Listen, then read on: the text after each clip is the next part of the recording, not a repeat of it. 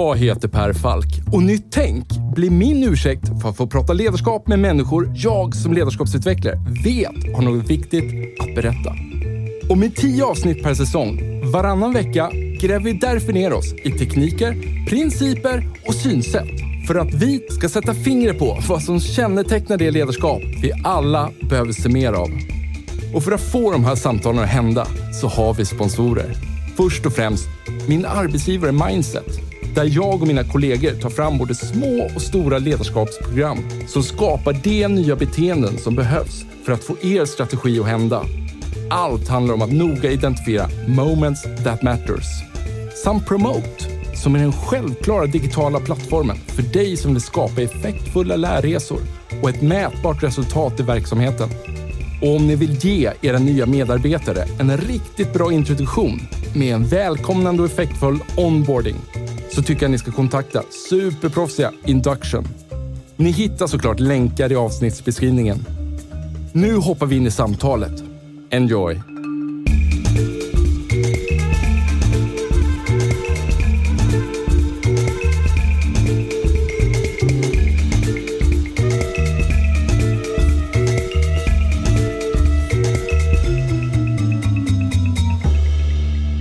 Oskar, du var ju en av dem som tog på dig ledartröjan när en konsultjätte i en debattartikel konstaterade att förfallet breder ut sig. Mm.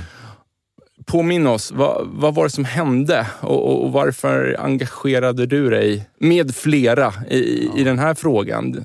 Det känns som du blev lite provocerad nästan. Äh, det blev jag. Äh, inte först. Först blev jag bara förvånad. Vad är detta för någonting? Och sen äh, ville jag få tag i den här artikeln.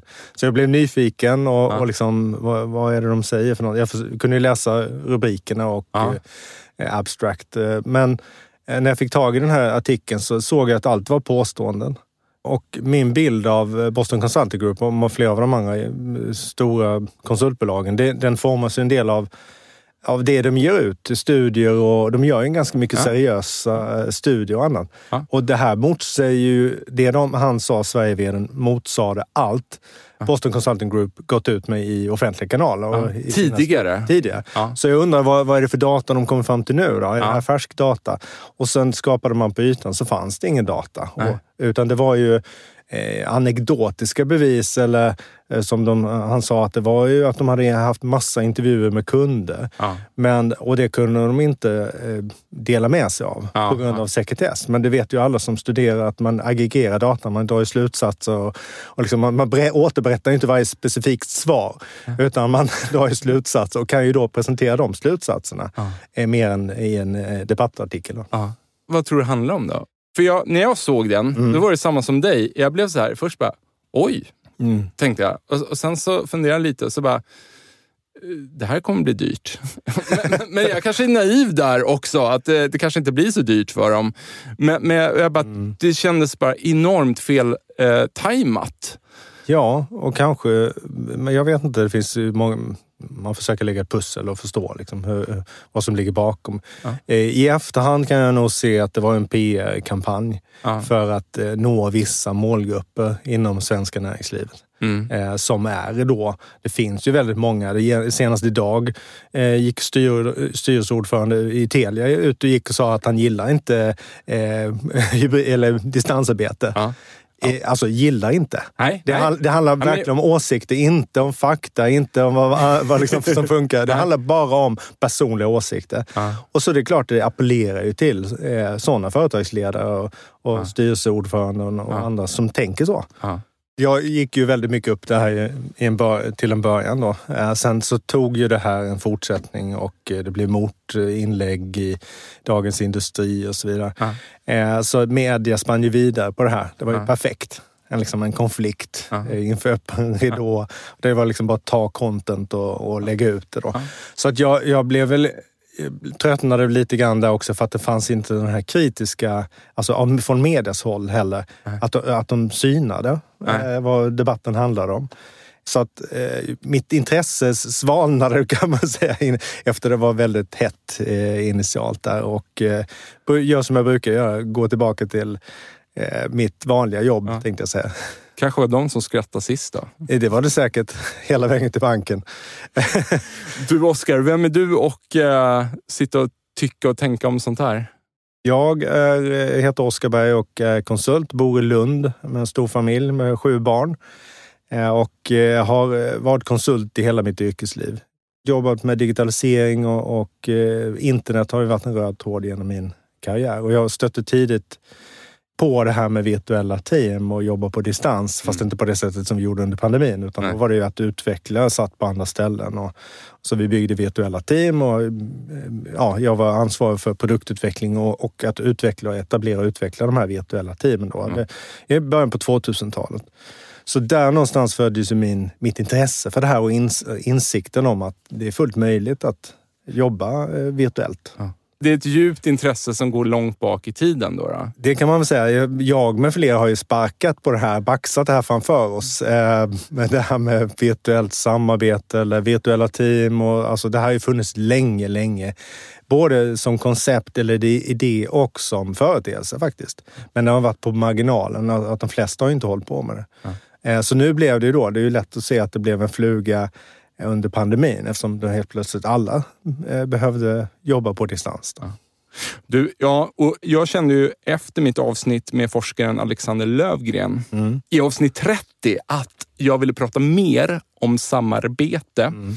som ett specifikt ämne. För att jag känner liksom intuitivt att det ligger något riktigt, riktigt viktigt där. Problemet är ju bara att ämnet blir så svårt att greppa och, och flytta ytligt för många. Mm. Och jag tror att du är rätt person för att hjälpa mig och Alexander att ytterligare då sätta ord på det här. Kanske det. Och bryta ner i, i beståndsdelar för att mm. liksom ytterligare begripliggöra. För jag mm. tror verkligen att det här är en speciell skill och något vi kan bli bättre på. Mm. Ja. Kan vi börja prata lite AI? Jag brukar se på LinkedIn att du tycker och tänker om det också. Jag tycker och tänker mycket om framförallt kring kunskapsarbete. Ja. Och det är, liksom, det är den typen av samarbete som vi eh, pratar om och jobbar med liksom, en viktig del.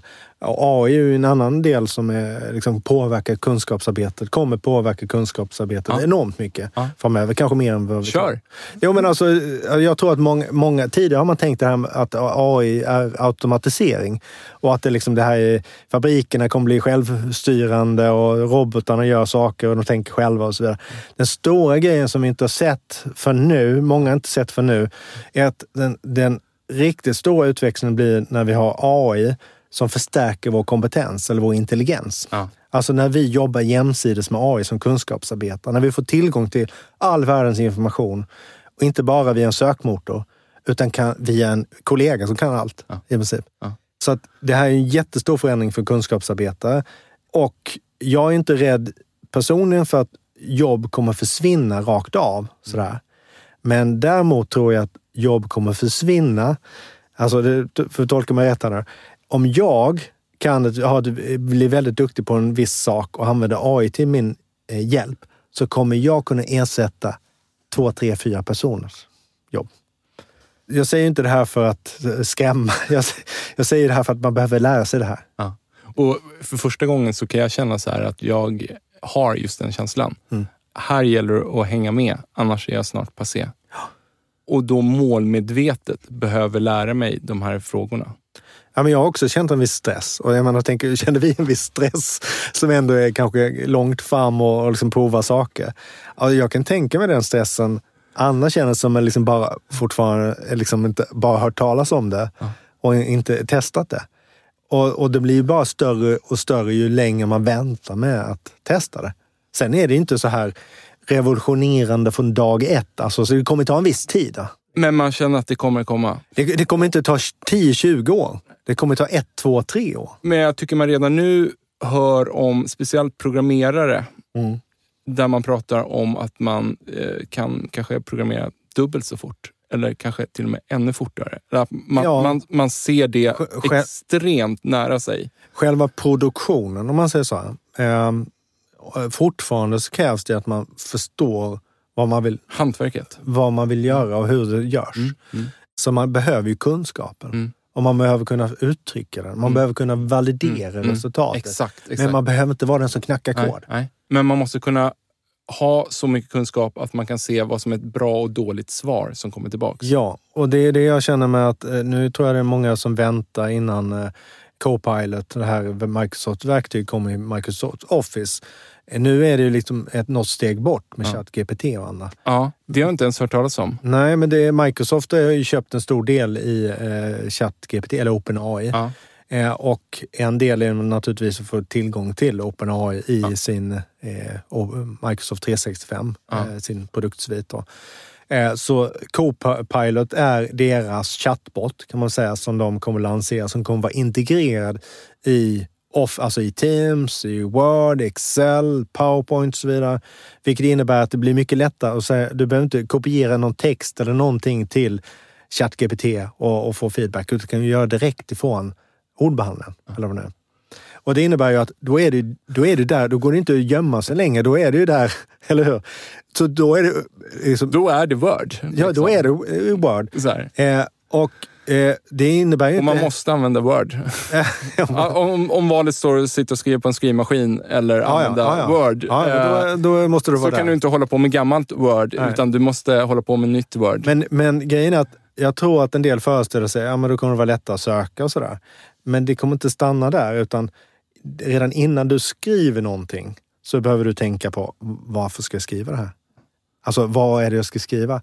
Och finns det något annat sätt? Kan jag använda den här Copilot eller liksom AI till att hjälpa mig att göra det här?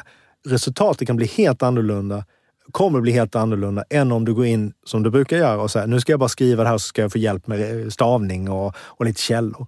Du liksom vänder på hela processen och då måste du vara mycket bättre på att, att tänka ut och artikulera vad det är du vill göra. Och tänka mer på varför och hur än vadet. Som vi... Du vet eh, Boston Dynamics, Mm. eh, säkert sett massa videos Ja. på Atlas, eller Yes. vad heter den roboten? Ja. Har du sett det här när han, ehm, de simulerar en byggmiljö och någon vill ha sin verktygslåda uppburen och han står lite högre upp i en ställning. Ja, jag tror jag har sett allt, men jag Nej. vet inte. Nej, och, men då Atlas, eh, den här roboten, då, tittar sig omkring och sen så bygger han sin väg upp där genom att slänga ut en planka mellan två objekt, Mm. hoppar sen upp på en pall. Så, såklart är allt liksom Mm. hårdkodat, ja. liksom, Ja. Men, men det är fantastiskt ändå. Mm. Och eh, tar sig upp, slänger upp den här verktygsväskan och gör sen någon halv backflip ut åt sidan och Mm. ser så sjukt elegant ut. Eh, men det intressanta är, för jag satt och lyssnade på en podd med han är VD för Boston Dynamics eh, och är också en av grundarna. Men han menar på att den här sista rutinen då, från just det jag berättade, Mm. det tog ett par dagar att skapa mot kanske ett år att skapa de tidigare filmerna. Mm. Och jag- tror det är en rätt bra analogi av Ja. eh, snabbheten eh, som händer just nu. Ja, men lite grann är det så att nu, det går ju så snabbt. Alltså det som tar lång tid att eh, komma på frågan man ska ställa. Inte att producera, alltså producera någonting. Det, det, innan har det varit så att man, alltså, det, det har varit en stor process att producera. Men nu är det ju, liksom, man kan få lägga lite mer tid på att tänka på vad, vad är det man vill ha. Men sen kommer det ju direkt. Ja. Och det är ju liksom, man, blir nästan chockad över att man får tillbaka det så snabbt och måste jobba vidare med det så, snabbt, så snabbt. Jag håller på och designar en eh, ledningsgruppsutveckling just nu. Jag leker med tanken på att jag ska stoppa in att deltagarna ska börja använda ChatGTP. Mm. Inte för att det är 100% relevant för det jag håller på med. Jag vill bara ge dem mervärde att börja leka med det inom den här ledningsgruppen Mm. för att ta de här första stegen. Ja, men det tror jag. Alltså, det första steget är ju att test, börja testa. Alltså på något helt annat kanske, än det man gör. Och då börjar man ju se tillämpningarna. Så att Eh, jag tror att eh, innan man har testat så kan man inte överhuvudtaget förstå alla möjliga... Alltså det är lite grann som när vi började, började med datorer. Då såg man det som en skrivmaskin och så använde man det som en skrivmaskin. Eh, Vi använder ju datorn till ganska mycket mer idag, eller hur? De tillämpningarna såg man ju inte. De som började se de tillämpningarna, de var ju de som började använda datorerna. Alltså och testa olika saker. Eh, så att eh, skriva musik, göra video, alltså allt det där vi gör idag. Liksom. Så att, att börja testa. Du, eh, vi går vidare. Mm. Med det då som du sa om eh, Boston Consulting Group här. Mm. Eh, det känns som du tycker att vi oundvikligen rör oss åt ett håll i Ja. utvecklingen. Gör ja, vi men, det? Ja, men det gör vi. Ja. Det finns ingen väg tillbaka då? Nej, vad är, till, vad är tillbaka? Alltså, om man säger så här, om man tittar både rent företagsekonomiskt så rör vi oss mot en alltså ökad, bättre användning av resurser. Det har vi hela tiden försökt göra. Eh, Vi samlade dem på samma ställe under ett och samma tak en gång i tiden för att det var mycket effektivare än att, än att springa runt och, och liksom producera saker eh, distribuerat på den tiden. Eh, Utan det var mycket effektivare att samla det här på samma plats. Så kunde man kommunicera mycket lättare och samarbeta mycket lättare. Så att eh, efterhand, jag menar, det här handlar ju bara om nya sätt att komma åt och använda resurser. Där vi inte är liksom begränsade av plats eller geografiska avstånd. Och den idén har ju funnits länge, länge.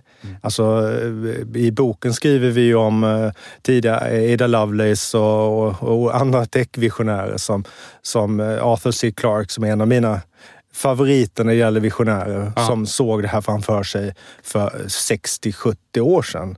Och som var också den som kom på idén om eh, kommunikationssatelliten. Det var alltså en författare som kom på det. Eh, science fiction-författare, så det är inte företagsledare som kom på det. Jag tänker 2001, En 2001, rymdodyssé. just det. Ja. Det är väl den han är känd för att ha skrivit den boken. Då. Eh, även om de, eh, de som har, känner till det har väl sett filmen kanske, mer Ja, än ja. läst boken. Då. Så en rörelse som har pågått länge, men på något sätt accelererat Ja. de senaste åren, eh, särskilt eh, med pandemin. Ja, och jag har väl varit lite förvånad över att den inte har eh, rört på sig eh, nästan någonting på 20 år, alltså sedan 90-talet. Det var nästan så att man var längre fram på 90-talet i många fall eh, än, än vad vi var på i, vid 2020. Ja. Eh, På, på, på vilket sätt då? Nej, men då hade vi, då fanns det eh, mjukvara, groupware som det hette då. Man satt och laddade upp dokument och hade chattar och sådär. Och sen kom ju Microsoft Office eh, och Office-paketet och helt plötsligt skulle vi sitta med, då var det personlig produktivitet som var i fokus. Ja. Då skulle man läsa Office och sitta vid sitt skrivbord och, och sådär. Och då försvann eh, mycket av det här samarbets... Eh, liksom verktygen. Ja. De, de fanns ju kvar, men de var absolut inte i, i centrum. Ja. Finns det en ljusglimt då? Så här, vilka organisationer kan du inspireras av? Som, det- som ligger långt fram? Det finns ju, alltså om man bara jämför före pandemin och efter så är det ju bara i sig en jättestor förflyttning, det ska ju sägas. Nej, men sen finns det ganska gott om eh, föredömen eller exempel att inspireras av. Och det som är slående är väl att eh, de som är föredömen, eller de som jag ser som föredömen, de, de delar ju med sig av hur de gör och varför de gör som de gör. Mm. Så, att, så att de är ju inte rädda för att göra det. Nej.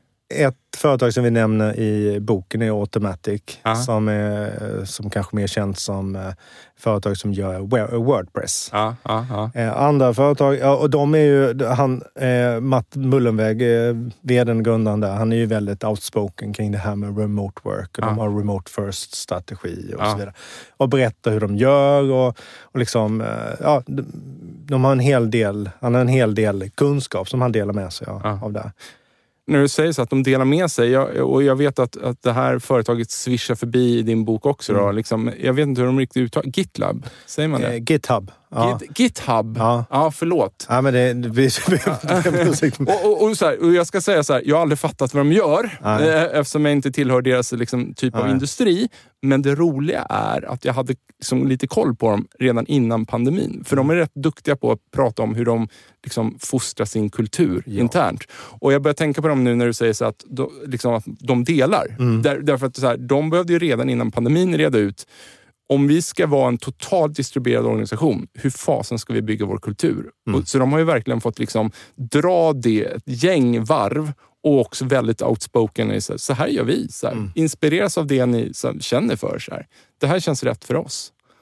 och det inser ju de flesta när man eh, blir distribuerad och inte kan träffas på samma plats och så vidare. Att saker som att bygga kultur blir svårare. Alltså Ja. det, det, eller svårare, det kräver att vi jobbar på ett annat sätt.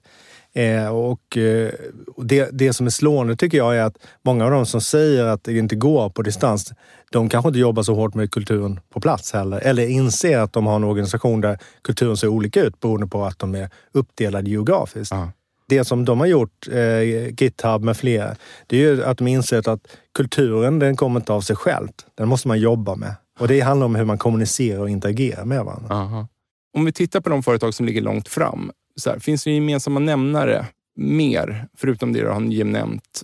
Vad kategoriserar de i hur de ser på jobb? Mm. Nej, men eh, jag tror att de ser det som att de är kunskapsföretag för, eh, först och främst. Mm. Det handlar om att få tag i kompetens. Mm. Och det är tillbaka till det här med att ta del av, kunna utnyttja resurser var de än finns. Ja. Eh, och att vi, Vidga talangpoolen. ja, eh, fiska i en eh, ocean istället för en liten eh, sjö eller damm som eh, han jämförde med han, Matt Mull- Mullenweg. Alltså, Ja. menar, alla kan inte bo i San Francisco Nej. och alla företag kan inte ligga i San Francisco. Även Nej. så har många tänkt. Om man liksom bortser från det eller om man tänker att vi måste inte ligga i San Francisco. Talangen kan finnas var som helst. Mm. Ja, då kan man bygga ett helt annat företag. Då kan vi få tag i en helt annan... Om man mycket bättre förutsättningar att få tag i kompetens Mm. än om man konkurrerar med Facebook och grannarna, Google bredvid. Liksom, om de som bor i San Francisco med omnejd. Du, eh, men så tänker jag, om, jag är lite provocerande då, så här, om eh, bara för att teknologin har gjort att vi liksom kan sitta mer distribuerat då, så här, men vad, är det så mycket som förändras då? Varför kan vi inte bara jobba vidare som vi har gjort? Det är väl bara sätta sig framför Teams.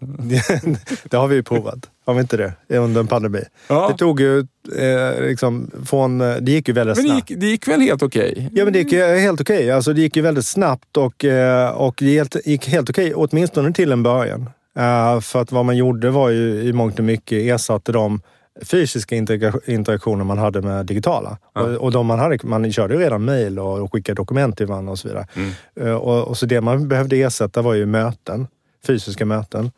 Och, eh, och det man inte har lyckats, över, många inte lyckats översätta, det är korridorsnacket. För de har inte fattat hur man ska göra det istället. Nej. Men möten förstår man. Ja, men det kan man ju köra digitalt. Ja. Eh, Vi hade Teams och Zoom och andra verktyg. Så att det, vad man gjorde var ju att man översatte dem rakt av. Alltså man fortsatte jobba som man gjorde innan. Och, och det här med möten har ju varit problem långt tidigare. Alltså att vi har för mycket möten. För att det är vårt sätt att, att samarbeta. Mm. Och, och liksom att vi samlar folk på samma tid och gärna samma plats för att lösa saker tillsammans. Det sitter så djupt Ja, inpräntat i oss. Ja, men det Att- är vår primära samarbetsform. Ja. Ehm, och, och den tar jätte... Alltså att förändra den är ju liksom eh, en stor nyckel i, i det här om man då insett att man behöver förändra det. Ja. Men jag tror de flesta kan skriva under på att de har för mycket möten och att de inte hinner med alla möten och att de inte hinner få något gjort mellan mötena och så vidare. Och det, och det är väl en varningssignal om något. Så var befinner vi oss idag då? Ja, alltså i eh, Matt Mullenweg har ju en eh, trappa där i, som han delar med sig av med fem steg. Eh, och det liksom, vi befinner oss enligt den på steg två. Alltså steg ett är liksom att man börjar jobba lite digitalt. Men Ja. steg två, då, då emulerar man Ja. kontoret. Ja. Alltså så som man jobbar. Ett, ett krångligt ord. Jag, jag hänger inte med där. jag vet vad du vill ha. Vi leker kontor. Vi leker, vi emulerar Digitalt. kontor. Leker kontor. Ja. Ja. Så att vi, vi, det är ungefär som att allt, allt som vi har på kontoret ska vi göra digitalt. Ja. Och så är det så de, ja, men hur ska vi ha korridorsnacket eh, digitalt? Eh, då tror de ju att man ska ha ett korridorsnack digitalt. Alltså, Ja. alltså Ja. Man, man ska ha en digital korridor i princip. Och fattar inte vad korridorsnacket är egentligen är en lösning på. Nej, nej. Och det är ju det här med att även när vi fysiskt befinner oss på samma kontor så är vi fysiskt distribuerade. Ja. Alltså vi sitter en bit ifrån varandra på olika våningsplan eller olika rum och så vidare. Ja. Så korridorsnacket är ju det här sättet vi har att hålla oss uppdaterade om vad som händer mellan team, Ja. mellan grupper. Och det är en väldigt, väldigt smal band. Alltså det är, inte, det är inget bredband där precis. Det gäller ju då att råka att tillräckligt mycket folk går i korridorerna tillräckligt ofta och att det är rätt personer och att jag träffar dem som är rätt. Alltså det är extremt liten träffsäkerhet i att få tag i rätt information. Och det finns ju ingenting som säger att jag sen berättar det här vidare. På samma sätt som jag fick det berättat för mig. Så att lösningen är ju då på behovet av att få reda på vad som händer. Om man då istället hade sett behovet och tittat på hur kan vi få reda på eh, vad som händer på andra sätt.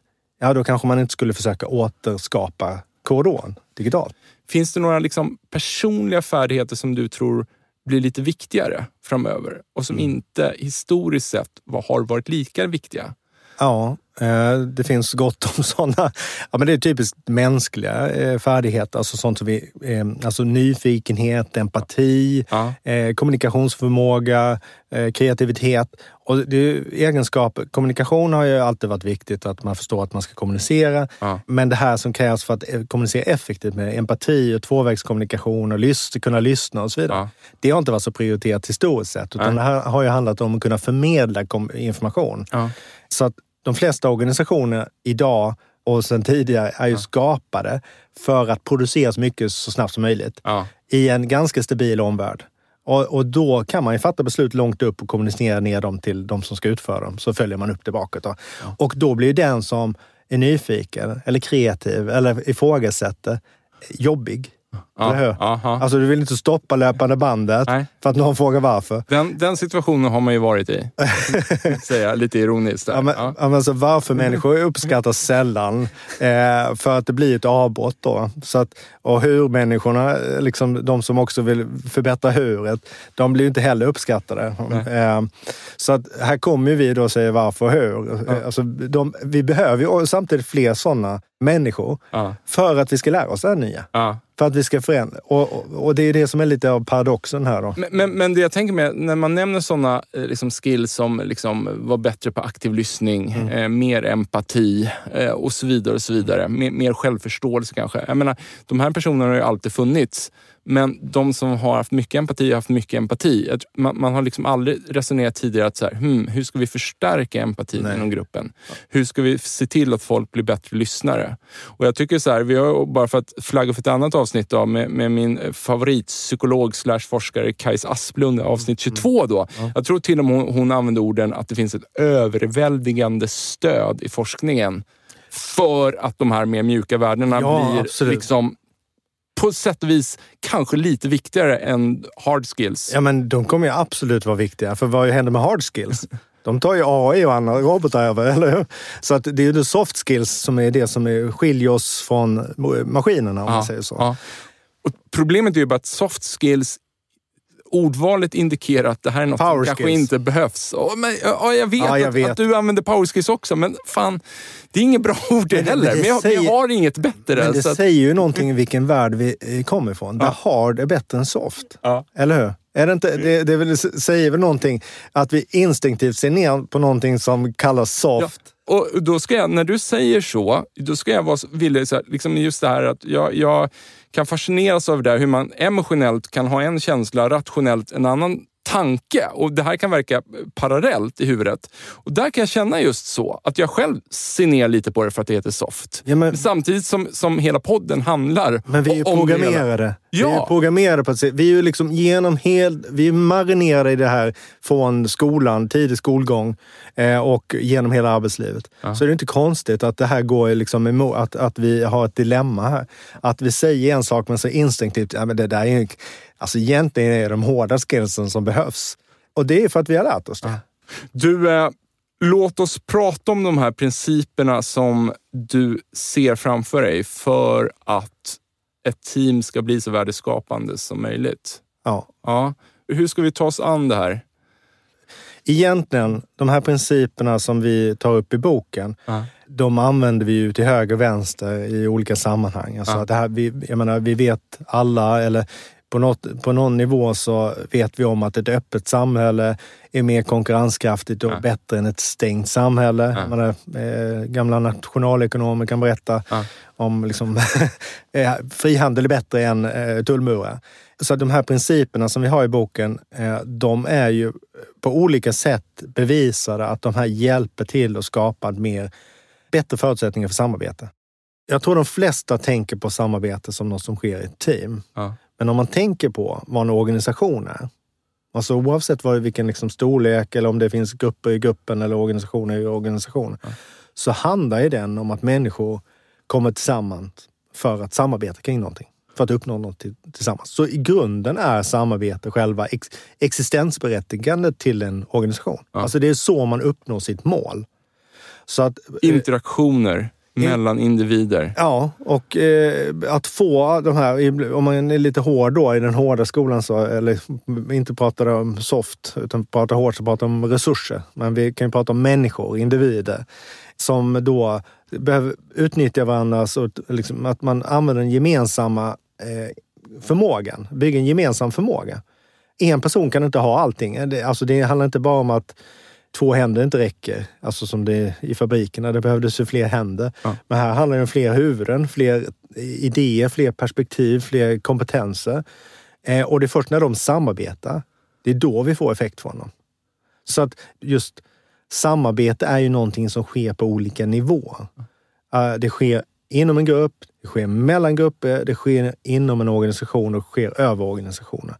Så de här principerna som vi strax ska komma till, de gäller ju för liksom både inom en grupp, men också mellan grupper och för organisationen som helhet. Varför behöver vi principer då? Liksom, vad, ja. vad, vad, liksom... Ja, men det är väl på något sätt för att eh, just kunna fatta de här, alltså hitta de här eh, om vi går tillbaka till kulturen. Om vi ska förstå vad är det för beteenden som vi behöver jobba med. Vilka ritualer behöver vi skapa för att skapa en mer samarbetsorienterad organisation, mm. en kultur?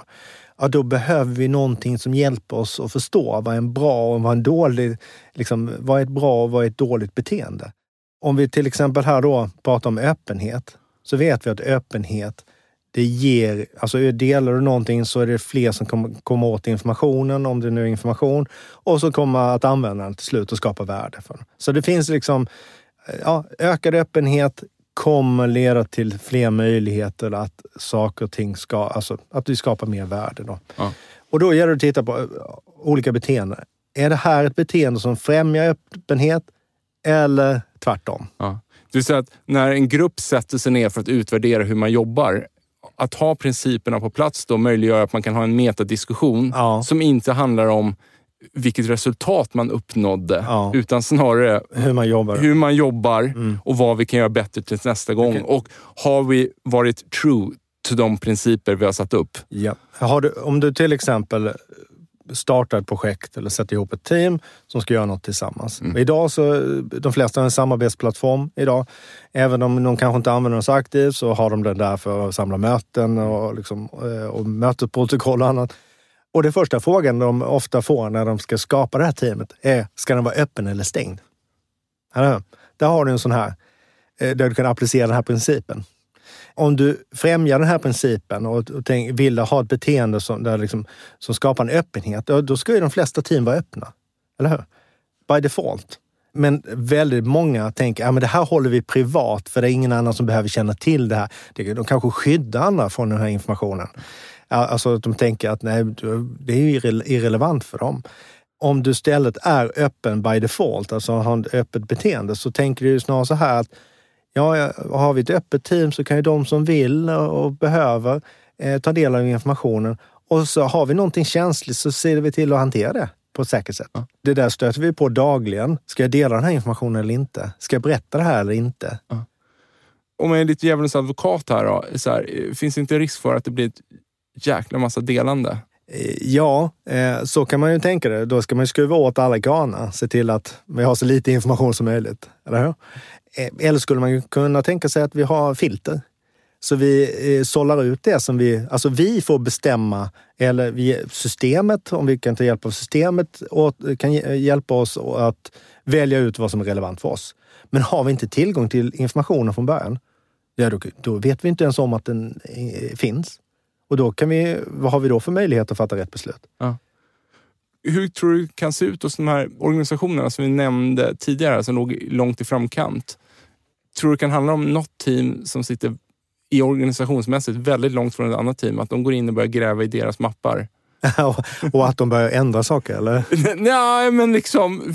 Alltså, um, att de, tror att de aktivt söker informationen på tvären i mycket större omfattning? Ja, men absolut, för du har ju inte det avståndet. Nej. Alltså har du, du kan ju sitta i Indien eller vad det nu är.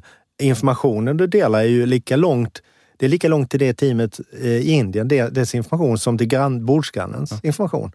Eller hur? Så att, mm. eh, det, då handlar det mer om är det här relevant för mig eller ja, inte? Ja. Och kanske också då att det gäller att här, underlätta för andra att, att, att söka? I min, mitt teams information? Ja, det, det så bör man ju tänka att man inte delar information utan man, att man kommunicerar. Alltså att man, att man försöker hjälpa andra att förstå vad som händer i teamet och så vidare. Så att, att det är en jätteviktig grej och något vi är generellt sett dåliga på. Eh, vi är väldigt bra på att skapa information, alltså liksom leverera mängder, men vi, vi är inte så jättebra på kommunikation. Att tänka, vem är det som behöver det här? Hur ska jag uttrycka mig då? Och så vidare. Och kanske att också tänka det här när det inte finns någon som har begärt en viss information från början. Vad kan andra vara intresserade av att veta? Som jag kanske ska berätta lite proaktivt. Ja, ja. En annan av de här principerna är transparens. Mm. Vad är skillnaden mellan öppenhet och transparens? Ja, det, det, det, låter... det är två sidor på samma mynt. transparens menar jag, det, det handlar mer om det här att se var informationen kommer ifrån. Alltså, eh, alltså jag kan ju dela någonting. Jag kan vara helt öppen med allting, men lägger jag det i en sjö liksom, där det inte går att koppla till vem är det som har delat det här, var kommer det ifrån? Eh, att det är jag, att man kan ta reda på mer information om mig, eh, att man vet om när det delades. Ja, då, då vågar man inte fästa så mycket tillit till informationen. Så transparensen handlar ju om att, eh, liksom, att kunna se ner, var kommer det här ifrån? Eh, och, och liksom, vad är källan? Spårbarhet. Spårbarhet, mm.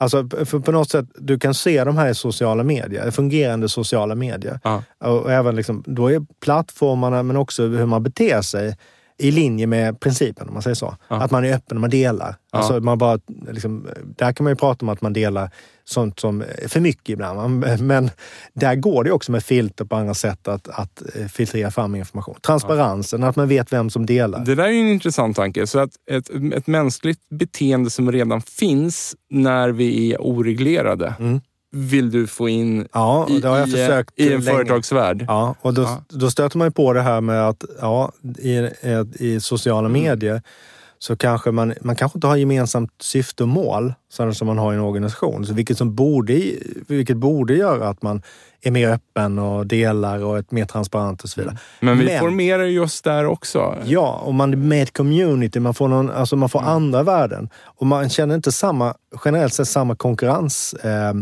situation i sociala medier. Alltså även om det, det, blir kanske mer inspiration eller att man kopierar någon. Mm. Men i en organisation så har vi ändå den här problematiken att vi har ett antal tjänster och eh, det finns, alltså trappan, pyramiden, har inte lika många platser på varje plan.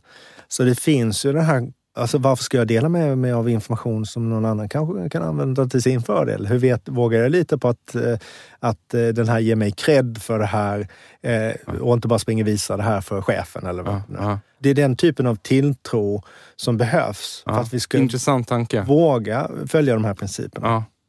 Öppenhet på en helt ny nivå. Ja, men jag har jobbat i många organisationer där, alltså, där jag har sett att öppenhet bestraffar sig.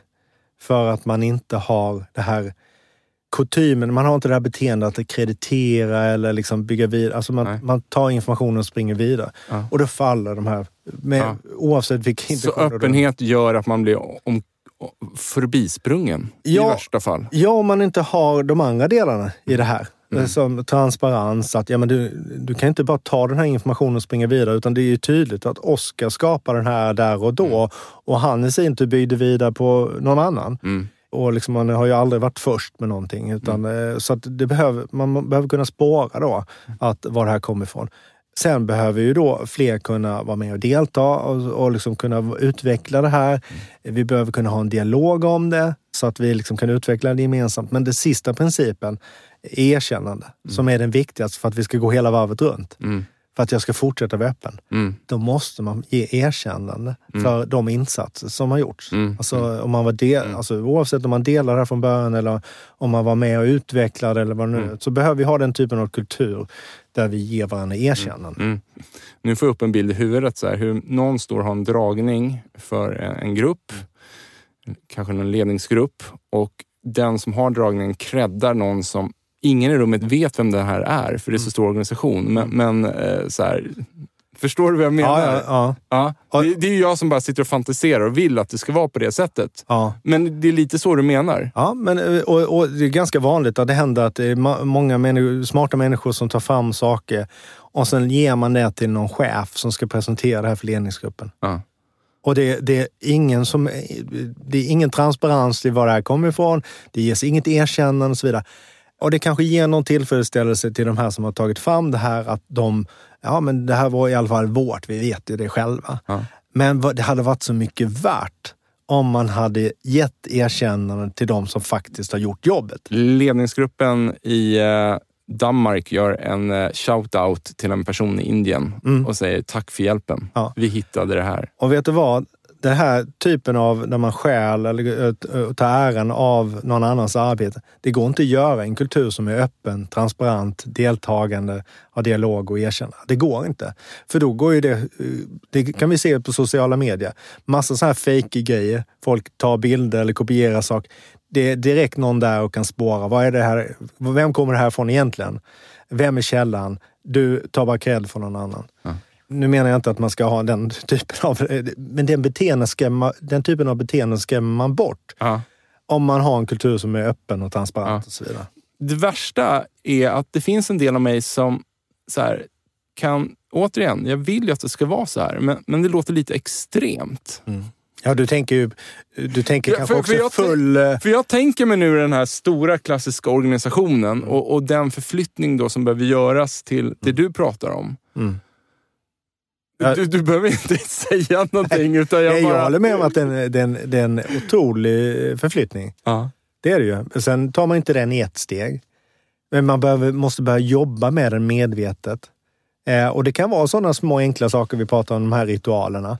Som så småningom, alltså grejen är att det är skrämmande. Många upplever det som skrämmande för att de inte sett nyttan med det. Nej. Och värdet eller nyttan med det kan man inte se eller förstå för man upplever det själv. Och därför väljer man att inte göra någonting. Men om man tar de här pyttestegen då, eller, bara, Ja. då, eller kanske i en kontrollerad miljö, i ett Ja. team eller lite mindre Ja. grupp. Ja, men då kanske Va, man kan... Vad skulle ett pyttesteg kunna vara? Ja, men det är ju till exempel det här med, jag menar, i, i, i vissa organisationer, eller i många organisationer, så har inte alla profilbilder. Nej. Alltså sådana enkla saker. För att få bara ett ansikte Ja, för det är på, jätte, käll, på grundkällan. Det är jätteviktigt för oss att få ett ansikte på en annan människa.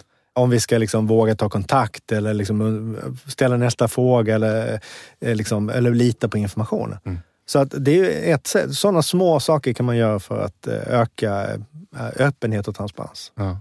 Du har en så lysande formulering i din bok som säger så här, från förändringar till ritual. Mm. Ja, vad menar du med det? För jag, jag tycker den är själva kärnan på vad en beteendeförändring handlar om Mm. och hur en kultur skapas. Ja, eh, just att man måste ta ner det från den här höga, alltså den här abstrakta nivån som den ofta får va- vara kvar på. Och, och så kan man liksom lämna den därhän. Utan vi måste titta på hur kan vi omsätta de här värderingarna och attityderna som vi vill ha i dagliga handlingar. Och, och ritualer är ju någonting man gör upprepat. Mm. Och vill vi förändra någonting, då måste vi få till en beteendeförändring. Och då krävs det, som man säger, 90 dagar eller mer av, av en, eh, ett upprepat beteende för att vi ska automatisera det. Ja. Och då behöver vi den här typen av ritualer. Borsta tänderna är ju en För ritual. att det är beteendet som styr värderingen Ja. och inte tvärtom. Nej. Ska man förändra någonting så är det ju genom våra beteenden. Så det är helt rätt. Man kan, det är svårt att ändra sina attityder eh, och inte beteendena hänger med. Ja. Konversation, Mm. vad innebär det? Ja, Det är en annan av de här ja principerna. nej, men konversation, det, handlar ju om eh, den här tvåvägskommunikationen. Så när du och jag här, här och nu, vi sitter över ett bord och kan prata. Vi har samma förutsättningar att, att prata. Alltså eh, tekniskt sett, miljömässigt. Och sen kan det ju naturligtvis bero på ens egen förmåga. Men vi har ändå, alltså spel, eh, spelplanen är jämn. Eh, och vi kan ha det här utbytet och då är det mycket lättare att komma till en gemensam förståelse kring någonting. Att liksom snabbt fram och tillbaka bolla saker eller ställa frågor och, och, och ge svar. Och det kan ju ställas då till det här eh, mer eh, traditionella sättet att kommunicera organisationer. Där man har redan tagit, eller man har tagit fram information som sen ska bara förmedlas och exekveras på. Och sen ska man följa upp att det verkligen skedde det man ville skulle ske. Och det har ju inte varit praktiskt möjligt att ha konversationer mellan människor i en nej. större organisation. Och det blir bara en kakafoni av allting. Men med digitala hjälpmedel så kan vi ändå ha en konversation i liksom eh, jättestor skala mellan människor. Direkt mellan en eh, alltså statsöverhuvud och en eh, bonde. Nej, men alltså, vi kan verkligen kapa de avstånden och det är inte bara den som är närmast runt liksom, ledaren som kan ha den här konversationen utan i princip vem som helst. Mm. Ett viktigt begrepp som vi eh, pratar om och skriver om i boken är upplevd närhet. Eh, och eh, det, det, är lite grann för att kunna ta håll på den här myten om att bara för att vi är fysiskt nära varandra så är vi nära varandra. Ja. Alltså, du och jag kan vara i samma rum ja. och ändå känna att, att vi har ett avgrundslikt avstånd mellan varandra. Ja. Alltså det beror mycket på hur vi kommer in med, i rummet med beteenden och hur vi kommunicerar med varandra och så vidare. Eh, omvänt då så kan man faktiskt vara på andra sidan jorden och, och kommunicera med varandra och känna en enorm närhet till en annan människa och då var helt, alltså var villig att, dela med sig av saker som man aldrig skulle dela med sig av. Vi, vi, tar för givet att, att kanske att bara för att vi sitter fysiskt tillsammans så känner sig folk sedda. Ja. Eh, så här, vi bara tror att det är men, så. Men, man... men, men behöver inte alls vara så. Nej, men bara vi har ett kontor och alla går dit så kommer vi samarbeta. Och då kommer vi vara innovativa och vi kommer bygga en kultur som är bra och så vidare. Eller att vi kommer bygga en kultur. Det är ingenting som säger att det kommer bli så. Utan vi måste, det är som a tool with a fool. Eh, alltså, det räcker inte med bara en hammare, vi måste veta hur vi använder den också. Eh, så att på det sättet är ju kontoret ett verktyg. Precis som, eller ett media eh, där vi, som vi kan använda för att kommunicera och interagera med varandra och så vidare, bygga kultur. Eh, och, och, det är ju samma sak med digitala verktyg. Alltså det är också ett media som vi också behöver använda medvetet för att kunna uppnå det vi vill uppnå. Och tanken här då att vi har mycket lättare att kommunicera och interagera med varandra och samarbeta när vi upplever att vi är nära varandra. Mm. Alltså när vi upplever att vi, vi har inte så mycket som skiljer oss åt. Alltså vi, vi, vi förstår varandra. Mm. Så då gäller det att skapa den här närheten. Och det kan man göra fysiskt, på olika sätt. Men man kan även göra det digitalt. Och fördelen med det digitala är att vi inte måste flytta alla till samma rum. Nej. Det är praktiskt hur, omöjligt. Och, och 10 000 kronors frågan då? då? Hur, hur, gör vi det? Det handlar ju om att synas och det här vi pratar om öppenhet och så vidare. Att, ja. att bara, bara andra ser och, och liksom vad jag delar och så vidare.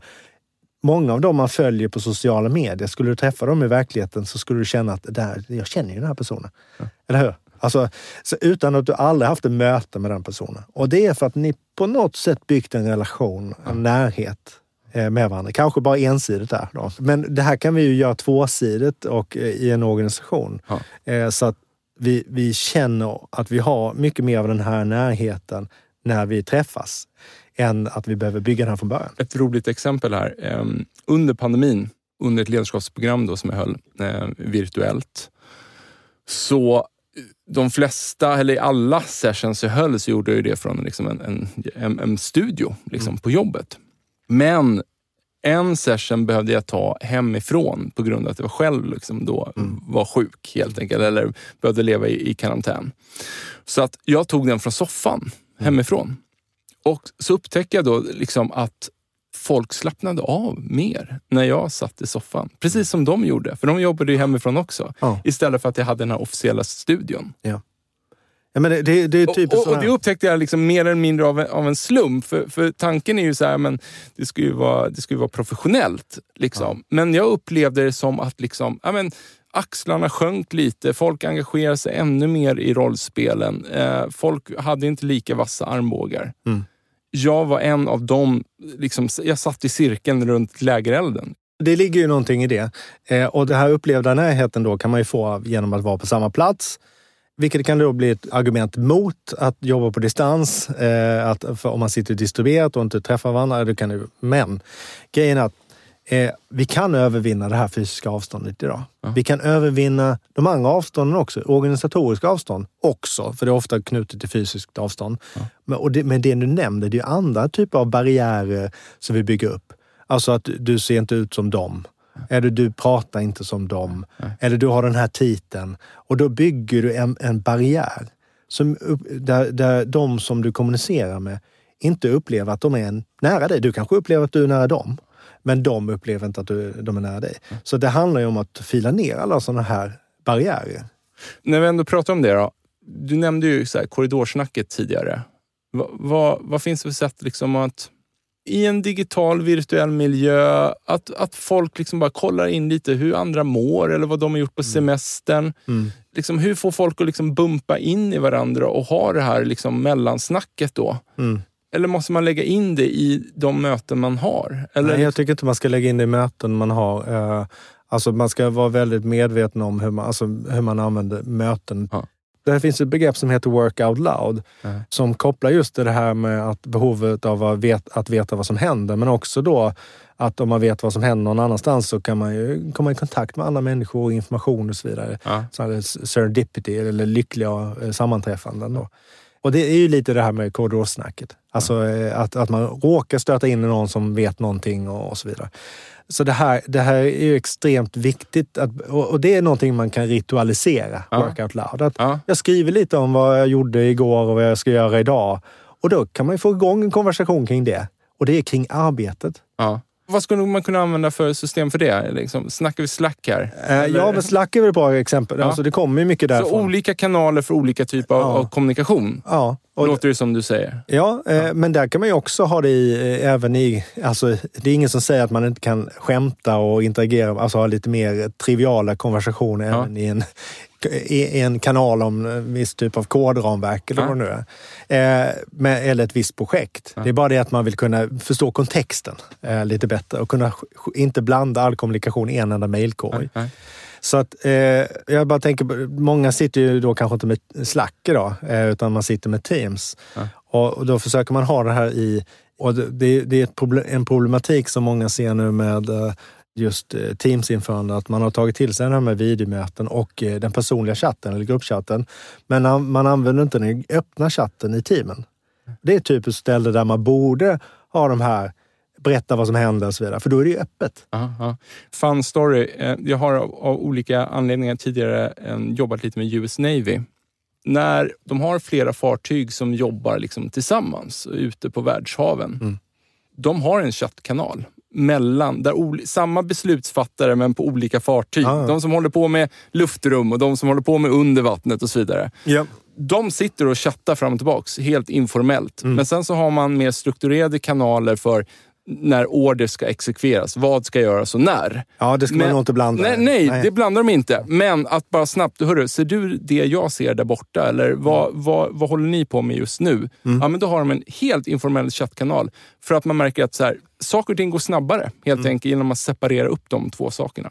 Ja. Ja. En, Och- en ren Ja, men det, är, det är ett jättebra exempel eh, och, eh, och man har behov av båda. Mm. Eh, och- jag har ett annat exempel. Jag jobbade med Bra, flygbolaget Bra, som har återuppstått efter pandemin. Men för ett antal år sedan var det i Malmö. Du räddade dem. Ja, det, jag hade ingenting med det att göra. Men, men för några år sedan när det bildades så kom det från bland annat Malmö Aviation och Sverigeflyg med flera. Och som gick ihop. Och jag var med i den sammanslagningen och hjälpte dem med samarbetsplattform och, och strategi kring det. Då. Och då var just en av de här att få ihop de olika bolagen var att få de olika ombordteamen och eller även grund, eh, markpersonalen på de olika bolagen Mm. att börja eh, liksom, utbyta information med, alltså socialisera med varandra. Mm, mm. Alltså, så vi började inte med det här eh, krisinformation eller menar, det som det redan finns kanaler Nej. för också. Utan vi Nej. börjar med det här med sociala. Mm. Och då får man ihop den här, alltså apropå kultur. Det är där kulturresan börjar då. Att man börjar lära känna varandra över de här gränserna. Och så bara tänka, nu, nu bara sitter jag och hittar på ett exempel. Men man skulle ju också kunna tänka sig, liksom, vi, vi säger så här nu, nu, nu vi en eh, anonymiserad eh, lastbilstillverkare som finns över hela världen. Det skulle ju inte kännas helt orimligt om att så här, verkstäderna som då utför service på de här lastbilarna, som då finns i, liksom, ja precis, lastbilarna säljs i hela världen och eh, serviceverkstäderna finns i hela världen man hade ju velat liksom få igång något informellt snack då mellan verkstäderna. Hörrni, hur brukar ni lösa det här? Och Eller bara, och bara få ställa frågan rakt ut. Precis, Och man så har ser man. Är det och- Indien som svarar eller är det Venezuela som svarar? Venezuela går det lite dåligt för just nu, men, men Brasilien kanske svarar. Mm. Ja, och jag hittar ju bara på nu. Ja, men det exakt- men, men men det det, det känns som det är ju det du Men menar. Det är så att, det funkar. Alltså, i, i nu, vi kan ta det här med AI-utveckling och, och utvecklare och andra Mm. som håller på att utforska det. De sitter i grupper från he, över hela världen i Discord och andra verktyg Ja. och utbyter erfarenheter och testar grejer tillsammans. ja, Alltså, och de kommer från helt olika ställen, olika eh, organisationer intressant, och så vidare. Intressant. Och där sker en enorm utveckling. Mm. Jag har ett annat exempel just bara i... Det blev ju så under pandemin precis i början också. Att Ja. läkare runt om i världen Ja. eh, började helt informellt det ju så- bara dela med sig. Hörrni, så här, ni kommer träffas av det här om två veckor. Yes. De erfarenheter vi dragit är X, Y, Z. det, som, Eh, ni, kommer inte, ni måste agera nu för ni kommer inte hinna med. Ni kommer inte fatta vad som har hänt. Det är precis de informella nätverken där, eller samarbetena, var ju det som gjorde att vi kunde svara Mm. snabbt på, på, i den här krisen. Det var inte myndigheternas Nej. kommunikation mellan varandra och så vidare.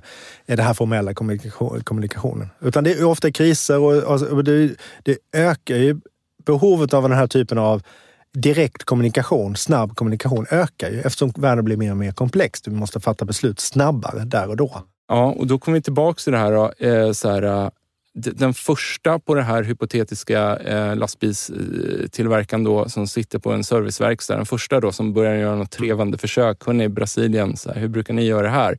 Kommer ju kännas lite dum precis där i början. Och det här kommer kännas, fan, de kommer ju tycka jag är värsta idioten här nu. Och då kommer vi tillbaka till det här med hur, hur värderingar skapas. Liksom, att, så här, Ja. börja gör. Ja, och, och man kanske behöver lite stöd. Om man vill tänka, vi har ju kommunikationsstrukturer i de flesta företag som är hierarkiska. Alltså, och där är ju chefer och andra som är ansvariga för att se till att kommunikationen fungerar uppåt och neråt inom gruppen. Ja. Varför kan vi inte ha personer som är ansvariga? Det finns det ju i, många företag har man ju community managers och andra, men det är väldigt många företag, man inte, organ- organisationer, man inte har det. Alltså någon som faktiskt har som sitt jobb för att facilitera kommunikationen och se till att liksom, ja, put, knuffa på och, liksom uppmuntra och liksom skapa den här kulturen. Eller vara med och, och i alla fall Fascinerande tanke. facilitera fram den. Ja. Du, du tar ju så här, med respekt för nu, så att det- jag förstår att jag har ju inte skrivit en bok och hade jag skrivit en så skulle jag säkert inte komma ihåg allt jag har skrivit. Nej, det har inte, gör inte jag heller. Men du tar, jag blev väldigt glad för du tog faktiskt upp i din bok eh, en av mina idoler, General Stanley McChrystal. Ja, kommer du ihåg honom? Teams of Mm, Ja, ja. Ja, kan inte du bara snabbt, för jag börjar tänka på honom här nu med det du pratar om AI-forskarna och hur de sitter och liksom på Discord och bara, har ni provat det här och jag gjorde det här. Mm. Vad var hans grej och varför tog du upp honom i boken? Ja, men det är, det är för att eh, han, det finns, vi har tagit upp flera exempel faktiskt som kom från militären på nya sätt att organisera sig och leda. Där som eh, egentligen bygger på att det är en sån komplex värld så att vi kan inte toppstyra utan vi måste få autonoma team som kan fatta beslut själva. Alltså som har en frihetsgrad att, att fatta beslut, och, men ändå som är samordnade. Då måste det finnas något som samordnar dem också då. Och det är inte då kanske en chefshierarki. För det är ju fortfarande effekt som Ja. ska uppnås och en Ja. högre effekt än tidigare. Mm. Men du kommer inte nå den genom att detaljstyra dem. Du kommer nå den genom att ge dem tillräckligt, alltså tillräckligt tydliga mål Ja. och tillräckligt tydlig feedback. Och sen ge dem en frihet att agera inom, för att nå det här målet. Och det är precis så man gör i modern krigsföring idag. Alltså vi ser ju det är en konflikt som pågår just nu. Exakt, två olika kulturer hur krigföring bedrivs Ja. som kolliderar, varav en betydligt mindre part med ett annat ledningssätt kanske uppnår mer Ja, mot en över, liksom numerärt överväldigande ja, ett, motståndare. Ett hemskt exempel och i företagsvärlden kan man väl se att ett riktigt stort företag kan ju liksom bombardera ner de små snabbrörliga liksom, med jurister och stora resurser ett tag. Men det kommer bara nya, nya och nya som är det här som är så här agila och snabbrörliga. Så det är liksom det är en lönlös kamp. Det enda sättet att överleva det här är ju att bli som dem. Ja. Att bli snabbrörliga. Bli det här istället för att, och är man ett stort företag, en stor organisation, så behöver man ju se till att skapa många team som tillsammans fungerar som ett team. Det är, det är ju egentligen det som är grunden i, i eh, den här eh, och Teams. Hans bok där. Han skulle ju liksom reformera något som heter JSOC i Mm. USA som då liksom samordnar deras specialförband och för att liksom ta sig an al-Qaida i Irak. Och Mm. då märkte de rätt snabbt att så här, de, de tog för beslut för långsamt helt enkelt. Ja. Och han märkte också liksom att hans sätt, in, hur han intuitivt ville lösa de problem de, de sattes inför, liksom stämde inte överens hur hans yngre kollegor intuitivt ville lösa någonting.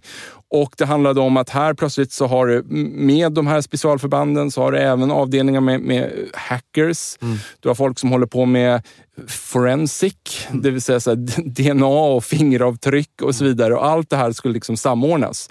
Och han kom till slutsatsen att så här, men, så här, det är en helt ny generation chefer under mig som är inne. Jag står bara i vägen för dem. Mm. Och han uppmuntrade egentligen självgående team att sök kontakt med de team inom organisationen som ni tror kan hjälpa er och gör det självständigt. Mm. Jag röjer undan liksom han, alla hinder runt omkring er. Han blir den här trädgårdsmästaren som man pratar om. Istället för att vara den här som bestämmer och styr allt så är det den som faciliterar och skapar förutsättningar. Och jag tycker också han var väldigt bra på att liksom, han var liksom noga med att säga så här, det här handlar inte om att vi inte är professionella. Det här handlar inte om att vi inte har kunskap. Det är bara att vi måste bara förändra våra beteenden och vårt arbetssätt mm. för att bli snabbare än motståndaren. Så mm. de reagerar på oss istället för att vi reagerar på dem. Ja, och där kommer det verkligen, i, i de här situationerna, i kriser, krig och även nu i liksom affärslivet. Alltså, så det, här, det handlar om att få största möjliga effekt med de resurser man har. Och få tillgång till så många resurser som möjligt. Så eh, som en företagsledare kan jag inte förstå att man inte tänker så och tittar där ute. Vad är det då som är, idag ger mig bäst förutsättningar och framåt ger mig bäst förutsättningar att vara bäst presterande? Du nämnde ett experiment som, eh, vilka var det? Salesforce? Ja. Gjorde det? Asynchronous Week. Ja, vad var det? De förbjöd ju mer eller mindre att ha möten. Om det inte var kundmöten och absolut liksom viktiga möten. Men, men här, under en viss tidsperiod, en vecka, Eh, eller två, så ska vi inte ha möten, utan vi ska kommunicera på andra sätt, asynkront. Då. På det sättet tvingar de ju fram en erfarenhet och testade sig fram att man kan göra saker på andra sätt. Och det var inte jättestor risk. Det handlar ju om att de hade kvar vissa möten och så vidare. Men det var bara det att de, de satte det lite grann på paus, allting, för att testa något annat. Och man måste skapa det här lilla andrummet för att testa det om man ska utveckla organisationen. Ja. Det här begreppet asynkront samarbete eller osamtidigt samarbete som vi kallar det i boken, det kommer som en reaktion på det här att vi sitter i möten hela tiden. Alltså, eller att vi ringer varandra eller att vi på olika sätt kommunicerar i realtid med varandra som gör att vi binder upp varandras tid och, och blir upplåsta och har mindre och mindre tid att göra saker mellan mötena och mellan telefonsamtalen. Så det här med osamtidigt samarbete handlar om att förflytta arbete från de här mötena, telefonsamtalen. Alltså mycket av de här vi gör i mötena och samtalen är ju information. Alltså vi informerar varandra.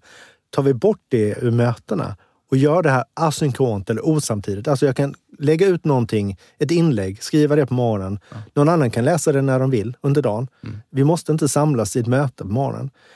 Då frigör vi ju tid till att ja, jag, jag, kan planera min tid, andra kan planera sin tid mycket mer och vi kan använda mötena till de tillfällen eller för de ändamålen vi verkligen behöver samlas. Så att vi både gör, gör så att vi skapar mer utrymme för annan typ av arbete, annan typ av samarbete då, och skapar mer tid för att vi ska ha bättre möten. För vi hinner ju inte med att planera mötena, eller hur? När vi har så mycket möten, utan då blir det bara möte på möte på möte. Så att innehållet, effektiviteten i de här mötena blir också sämre och sämre eh, med tiden. Skulle du kunna ge mer exempel på asynkron kommunikation? Alltså hur... Den här podden är en asynkron kommunikation. vi måste inte samla publiken här nu på fredag klockan nio för att Nej. lyssna på det här, utan de kan lyssna på det när de vill. Ja. Eller hur? Då ökar, ju det, då ökar ju det friheten att lyssna på. Alltså det ökar antagligen, det kommer vara fler som lyssnar på podden ja. än om du säger att du ska ha det som ja. ett webbinar på fredag ja. klockan nio. Ja. Jag um, fattar faktiskt inte varför inte fler stora organisationer använder en podd på det sättet för att sprida mm. information i sitt mm. bolag. Nej, men det gör inte jag heller. Och, och, ja, men, nej, men jag, jag, tror att... Eller, ny, eller nej, videomöten, jag, eller videoinspel. Alltså. Ja, men, ja, dels det, men jag menar podden är så oslagbar just att så här, folk kan lyssna på det här då på gymmet, eller mm. när de är ute och går med hunden, eller när som helst, ja. i sängen. Mm. Men, men jag tror att det är, liksom, det är bara det att, återigen, det är en generationsfråga. Liksom. Man, man känner sig inte bekväm med att sitta och ha en den typen av diskussion i en poddstudio. Det känns Nej. konstigt att kommunicera på det sättet. Sen, sen kan det vara det som spökar också, den här upplevda närheten. Eller man tror, alltså, när man har sådana här all hands-möten, stormöten på st företag. Så känner man att då är alla närvarande och då kommer de känna att det här är liksom viktigt och, och så vidare. Och att man kommer närmare de som eh, pratar. Men ofta så är det ju någon på andra sidan som bara syns på video eller liksom, man, man, har ingen, man kommer inte så nära den personen. En podd kan du komma nära någon bara för att det, du kommer in i ett intimt samtal. Jag tycker ju att poddmediet är ett enormt bra medium för att skapa närhet. Det blir inte bara att du visar powerpoint-bilder och, och, och, och liksom läser innantill till ett manus. Mm. Utan som du säger så skapar man ju närhet genom att liksom personen kommer fram och det blir mer informellt och, och sådär. Och då kan man ju, det kan man känna som att man sitter med och lyssnar eller är med ja, i poddstudion. Ja jag tror jag har nämnt det i ett tidigare avsnitt, men vi eh, har en um, ny VD. Eller nu har han varit hos oss ett år, mm. så han är väl inte, han är vår VD, ska jag säga. och han tog, um, alltså där jag jobbar då i vanliga fall här, uh, och han tog initiativet till att när vi skulle presentera vår nya strategi, då satt han och jag faktiskt i den här studien där du och jag sitter och ja. hade bara en, ett samtal om ja. strategin framåt. Ja. Och sen så distribuerar vi, fast vi inte är så stor organisation, distribuerar vi det samtalet eh, internt mm. bara. Så man kunde välja då, ville man liksom titta på det här samtalet, vi videofilmar allt också. Ville man titta på samtalet som video eller ville man lyssna som podd? Eller ville man läsa eh, den här bibban då med, med, med slides? Mm. Eh, jag tyckte det var otroligt modigt av honom mm. och eh, sån jäkla lyckträff. Mm. Nej, men jag, jag, tror att eh, det är helt eh, helt rätt väg att gå också att man tänker flera eh, multimodalt eller om man ska säga att man, att man tänker att man har olika innehåll. Alltså att man gör mer, eh, fler sätt att ta, få tillgång till det också. Om du istället tänker på att bara olika sätt att inkludera alla människor och få med dem i konversationen, även om de kanske inte faktiskt i alla, alla gånger kan vara med och säga någonting. De kanske kan skriva en kommentar eller någonting på intranätet eller vad det nu är. Så ger det så mycket mer. Och det tror jag många företagsledare inte har fattat, utan de är fast i det här. Samla alla i fabriken, alltså eh, på fabriksgolvet och så står eh, tjänstemännen och chefen på, på, på liksom balkongen ovanför och håller tal. Det, det, det är det vi har med oss. Anlita mig istället. Spela in ett poddavsnitt. Säger bara. Stort tack för att du tog dig tid att komma förbi Oskar. Och självklart lägger vi in en länk till din bok Digitalt samarbete. Så skapar vi morgondagens organisationer. Och som du också har skrivit tillsammans med Henrik Gustafsson. Så vi ger honom cred för det. Ja, han ska också ha lite av äran. Ja. tack för att du kom. Hörni, tack till våra sponsorer. Mindset Promote samt Induction för att ni tror på den här produktionen. Ta hand om er.